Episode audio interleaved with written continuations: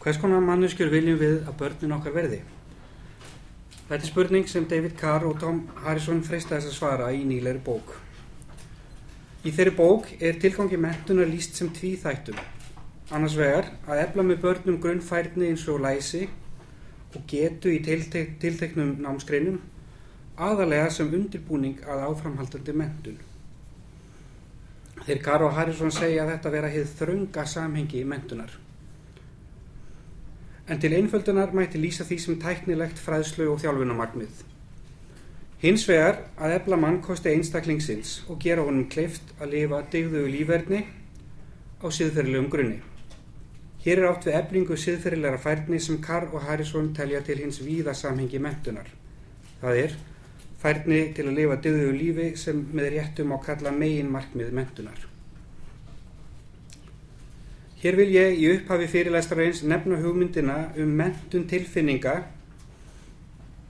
og má tengja líka við hérna, spurningu Sigríðar sem hún beindi hérna, til, til Kristjáns hérna, í morgun og sem ég ætla að koma betur inn á þegar álýður. Þessi hugmynd er ekki nýja af nálinni en um miðbygg síðustu aldar bendi skoski heimsbyggingurinn John McMurray til að mynda á þörfina fyrir að menta tilfinningar rétt. En Makmari segir meðal annars að slík mentun ætti að felast í yfirveðari viðleitni til að kenna börnum að finna til af eigin kvötum. Í sama skilningi og vitsmunali mentun þeirra ætti að vera viðleitni til að kenna þeim að hugsa sjálfstætt. Makmari hamrar á að öll sönn mentun sé mentun í að lifa og enda þótt mentun vitsmuna skipti vissulega máli bendur hann á að ef við hunsum mentun tilfinninga verði afleiðingin samfélag sem sapnar völdum og með völdum auðnum til hins góða lífs en hefur engan samsvarandi þróskaðan hæfileika til að lifa hinnu góða lífi sem það hefur sapnað auðnum til. Gott svar við slíkri kröfu eins og leytast verður við að lýsa í þessum fyrirlestri er aristotelísk mannkosta mentun en hún er aðferð sem gerir nefnendum og kennurum kleift að fjalla á skiljanlegan og óyfirborðslegan hátt um siðferðilega breytni. Bent hefur verið á að slík umræða og orðaforði hafi á undanförnum áratugum farið þverjandi. Ég byrja á því að skýra mannkostamenntun og byrtingamind hennar í almennu skólastarfi. Þá verður fjallað um svo kallaða aristotelíska mannkostamenntun sem í fáum dráttum mætti kalla heimsbyggilega nálgun Kristjáns Kristjánssonar á hérna hefðbundnu amerísku útgáðu mannkostamentunar. Að lókum fjalla ég lítilega um hagnýtingu aristoteliskrar mannkostamentunar í listgreinakennslu eins og ég hef í higgju að rannsaka hana í doktorsverkefni mínu aristotelisk mannkostamentum með aðstöðu ljóðlistar undir leðsögn Kristjáns Kristjánssonar og Tom Harrison. Greinagóðan ingang að mannkostamentum ásamt sögulegu yfirleiti er að finna í grein Kristjáns Kristjánssonar lífsleikni í skólum sem byrtist í bók hans mannkostum árið 2002. Aristotelísk mannkostamentum veitir nokkrum algengum stefnum í siðfræði mótvægi svo sem umhyggju siðfræði en hún er siðfræði sem byggir á feminískum gildum, þroskasálfræði sem leitast við að útskýra þær breytingar sem verða á huga, heila og hátterni samfara aldrei. Hér horfi ég til þroskakenningar Kolberg sem Kristján útskýra á þann hátt að hún einbeti sér að felli siðferðisþroska upp ákveðin samanlega þref. Um, ég er með smá varnagla hérna að, að hérna sem ég átt, átta mig á og hérna og hef hérna hef hérna já ég hef gert, gert grein fyrir en, en ég ætla ekki að hérna, að, að hérna festast í það að hérna að það er ekki saman sem merkir sem sagt þróska sálfræði og, og hérna og, og þróska Kenny Kolbergs Um, og svo það, var það hérna, þriðja stefnan gildagreining en hún snýst um að einstaklingur gerir sig grein fyrir persónulegum gildu sínum og komið samkvæmum skikk á þau. Þessari stefnu svið bara einhverju leiti til þess sem Kristján Kristjánsson í grein sinni um lífsleikni í skólum nefnir beinabera lífsleikni. Þess ber þó að geta að beinabera lífsleikni einskorast ekki við gilda, gildagreiningu heldur á hún við um sérkverja stefnu sem bóðar sammanlega intakshyggju um ræktun persónulegra degða og gilda hjá nefnundum í skólum. Beinaberi lífsleikni er í stuttumáli svo lífsleikni sem leitast hefur verið við að kenna í íslenskum skólum eða með orðum Kristjáns. Allt karp er lagt á rækt við almenna mannkosti sem torvelt er að ímynda sér að reitt gæti nokkur fóreldri til reyði, hvort sem það er ættað frá fóskursfyrði eða fylipsegjum. Og er áhersla á intak mannkostana fremur en aðferðina við að kalla það fram þó að víða sé að vísu í framhjálaupi minnst á líðræðislega vinnubröð. Við lærum öðrum orðum góða síðu með því að venja okkur á þá en þar sem slík kennsla er bóðandi og leysist að mestu leiti upp í endurtekna forvarnafræðslu hefur hún í reynd mist margs að minnstu kosti hérlandi. Framskal tekið að Kristján hafnar ekki beina byrju lífsleikni en lesa má úr umfjöldunni að gaglegt sé að dýfka hinn að siðferðilega samræðu í skólastofunni. Því við viljum jú að nefnundur velji góð gildi og skilji tilgang þeirra fremur en að taka við um ofanfrá.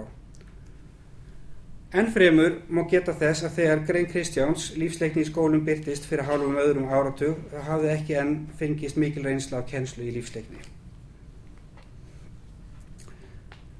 Um, hér að framann spyrði ég saman beinaberi lífsleikni og gildagreiningu en samkvæmt yfirleiti Kristjáns sem þið sjáu hér í greinans um lífsleikni í skólum sem ég hef verið að vitna í, þar er gerðu greinamunur af stefnunum. Þar er bein, beinaberi lífsleikni fæst eins og áður saði við hið sammannlega enda þótt gildagreining leggju upp með að börn læri að skýra og samhæfa gildi á einstaklingsbundin hátt að verða þessi sömu gildi hópundin um leið og einstaklingar með svipaðan smekk koma saman. Gildagreiningar sinnar, gildagreiningar sinnar leggja siðferðis hugmyndir almennt að jöfni við smekksatriði, segir Kristján. Og það er einmitt svo tilfæsla sem ég tel að hafa átt sér stað í lífsleikni kennslu á Íslandi. Að þá, hafum, þá höfum við sem sagt um, ætlaði að byrja hérna en en hérna hrapað niður og það er ekkit endilega verra en, hérna, en, en það, er, það er óskilt og ómarkvist hvert var ég komin?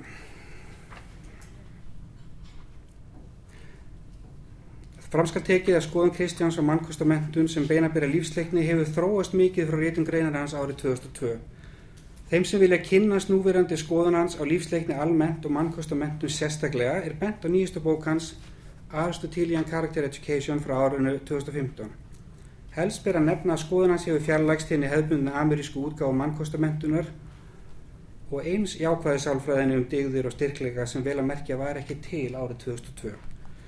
Í nýjastu bók sinni sneiður Kristján að hefðbundinni amerískri mannkostamentum og bendur á að um sé að ræða nok nokkur amerísk afbríða af mannkostamentum og eins og, eins og hérna ég nefndi, ef við sjáum hérna uppi, uppi hæra megin þá er í megindráttunum að ræða þá beinabyrju lífsleikni í kenslu sem reykjum á til Likkona, Kilpatrick og Bennett.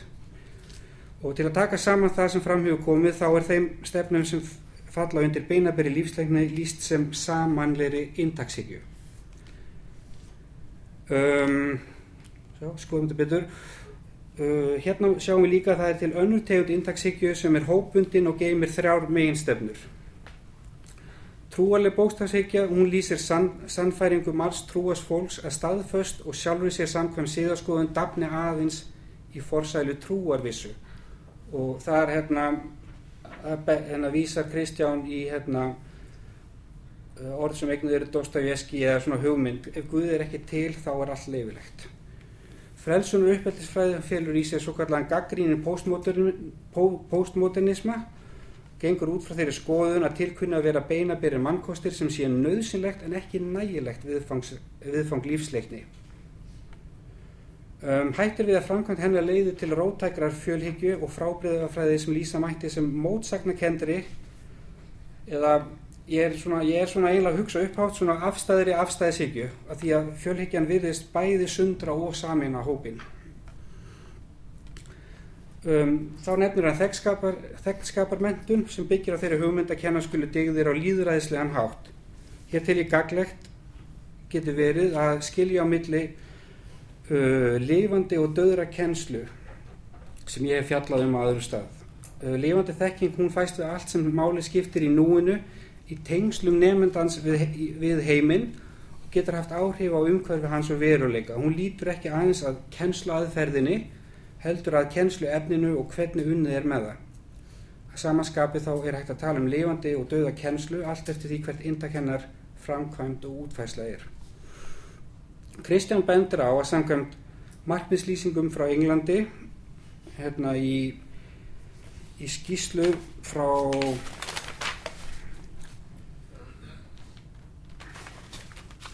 the Department of Ed Education for, já, eh, snúist þekkskapnamentum um bóðun og innrætingu tiltekina gilda, líðræðisgilda, ekki aðeins kynningu á hver þau eru. Þekkskaparmentun hún gangi lengra en þau stjórnmála á stjórn, stjórnsýslufræði sem löng hefð sé fyrir að kenna úlingum í ímsum Evropalöndum og snúist ekki aðeins um það hvernig kaupin gerist á eirinni, heldur hvernig þau eigi að gerast og þetta er sko þetta er hérna sko í kjenslufræðinu þá lesum við sefin og þá er þetta kölluð hérna staðrindar þekking eða svona ítrósla og, og það, það er það sem ég þá kalla dauðakenslu í huga nefndans þar sem hann getur ekki tengt það við sinn veruleika og, og sitt umhverfi. Af yfirliti Kristjáns yfir kenningar um siðferðiskenslu frá 65 til maður sjá til okkar daga er ónefnd önnur bandarís hefð heimsbyggi með börnum sem oftast er kend við Lippmann. En þar er leitast við að beita samræði félagi til þess að greina hugtök og draga lærdóm af þeim. Og þegar best lætur þókast slík samræði út í siðferðilega álítamál. Um, Að einhverju leiti má segja að aristotelísk mannkostamenntun leitist við að skeita saman eitt og annað úr þeim þráðu mannkostamentunar sem hér er búið að lýsa en í grunnun fælst hún í yfirvegun eða mati á þeim skilningi sem við leggjum í siðfræði á ástundun hennar. Eftir vill hefði síðasta málskrinnin sem að hér er verið fullnægandi svar við spurningu fyrirlæstarins en svo auðvelt er þetta ekki. Ég vil bæta því við að aristotelískri mannkostamenntun í henni felist framkvæmt sem er kjarni hennar og byrtist um leiðu skýrt og hugsalega hvergi skýrar en í heimsbyggi Kristjáns Kristjánssonar. Fyrsti hluti eh, þessa fyrirleistara byggða ímsu leiti á skrifum hans um mannkostamenntun og felur þá í sér ástundun svo kallara aristotelískara mannkostamentunar það er að segja ígrundun á þeim skilningu sem við leggjum í hefbundan mannkostamenntun og, og í siðfræði samanbyrð skrif Kristján síðustu áratöyu um álefnið. Möguleikar hennar felast engum í framkvæmdini. Siðferðist þroski og mentun digða er áhrifaríkust þegar kennarinn getur sniða aðferðina að sínu, sínu efni og sérsviði. The Jubilee Center for Character and Virtues við Birmingham Háskóla hefur í nokkur ár verið kert verkefni sem kallast The Nightly Virtue Project gengur út á að ebla siðferðistróska nefnda gegnum lestur og samræðu um rittarasögurnar og þar sem þær eru notaði til að efna skilning nefnda á þeim degum sem þið sjáuð hér. Talið er áranguríkast að notast við efnið sem þegar er verið að kenna í skólum og fyrir brest umhverju líkur því beinast við að sækja í menningararfinn. Í augnablikinu hefur verið að vinna verkefnið við mentavísindasvið Háskóla Íslands sem miðar að því að þýða og staðfæra einhverja hluti Nightly Virtues verkefnisins og verður þá hugað þeim menningararfi sem gagnast starfandi íslensku kennurum. Það er til dæmis unnið með lagstælu þar sem hún er kend víða og ekki viðbúið að það muni breytast. Næsta haust hef, mun ég hefja doktorsnáð með Birmingham Háskóla og eins og ég hef komið á inn á ætla ég að rannsaka aristotelíska mannkostamentum með aðstóðu ljóðlistar. Ég sé fram á að kennslefni sem þegar er notað og íslensku kennar að þekkja muni bæði byggja á læsi og sköpun. Í verkefninu verður ljóðlist kend sem rítlist samkvæmt þeirri hugmynd að til að læra að lesa verður maður að skrifa og til að læra að skrifa verður maður að lesa. Færam á rauk fyrir því að svo hugmyndafræði falli betur að kennslu í ljóðlist en til dæmis að kjenslu það sem unnið er með prósa eða lengri texta. Og það er gott að heyra í ykkur eftir hvort þið séu sammála eða ósamála því og þá hvers vegna. Markmiðið er að kenna lestur ljóða í gegnum sköpun og unnið verður þá með tiltekin ljóð sem þegar finnast í því kennsleefni sem hérna, þeir samstarfskóla sem fyrir valinu verða notast við. Og þá hef ég huga að flokka þau ljóð sem lesin verða svo nýta megi megi, megi þau í samræðu um dýrasiðfræði, mannréttindi, tilvistar angist og kærleika og kennar að fá þá efni til að nýta þau réttlist og ljóðagerð. Hér fyrir vel á að bregða upp eins og tveimur ljóðum og velta fyrir okkur hvernig þau getur verið rætt, lesin og tólkuð. Á ekki lesa þetta fyrir ykkur. Þegar allt hefur verið sagt, þegar vandamál heimsins eru vegin og útkljáð, þegar auðu hafa mæst og hendur verið þrýstar í alvöru augnabliksins, kemur alltaf einhver kona að taka til á borðinu, sópa gólfið og opna gluggana til að hleypa vindlareiknum út. Það bregst ekki. Við sem erum hér getum veltið fyrir okkur í hvaða flokki þetta ljóð ætti heima og hvers vegna svo þá mætti spyrja nefnundur ef þú ert persóna í þessu ljóði hver ertu? Hvernig manneski ertu? Hvernig manneski viltu vera?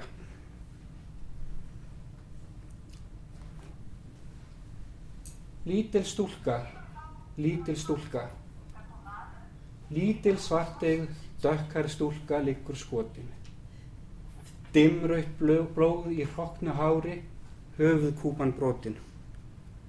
Ég er breyti dagsins stjarfi, dáti söður í Palestínu, en er kvöldar klökkur einn, kútur lítill, mömmu svein.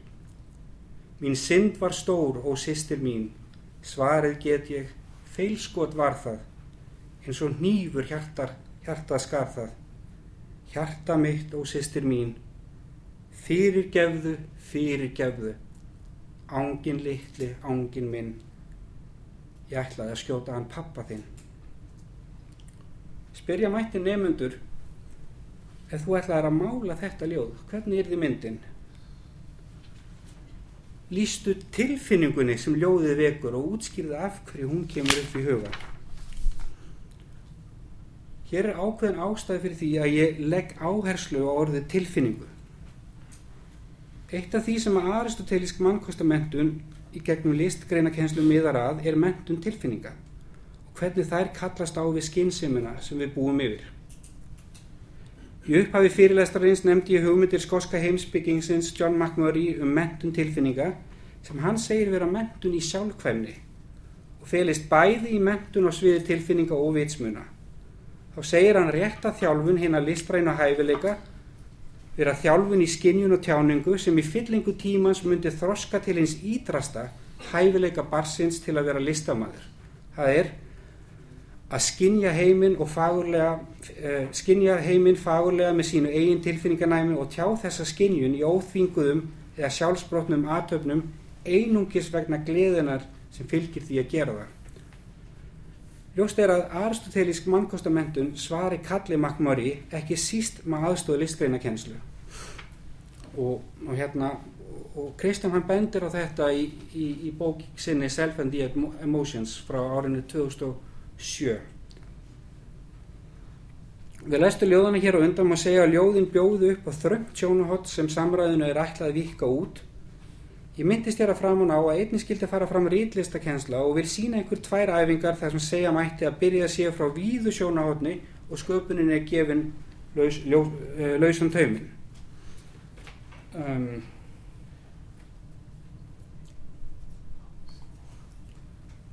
þetta er klassísk æfing í fyrsta skipti sem að, sem að nefnendur byrja í og hérna og hún henni er ætlað bara að kenna nefnundum að þau geti þetta að það, það geta allir skrifað það geta allir tjáð sig.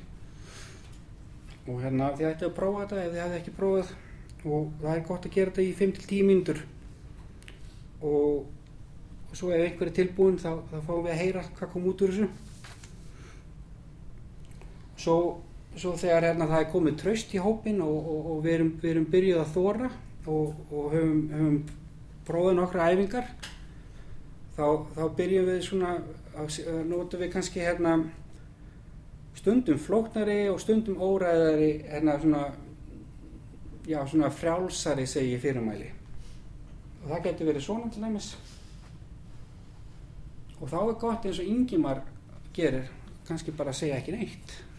Og þá, þá spyrja þau hérna á ég að skrifa um þetta eða hvað, hvað á ég gera? Ég veit það ekki hvað, hvað, hvað finnst þér?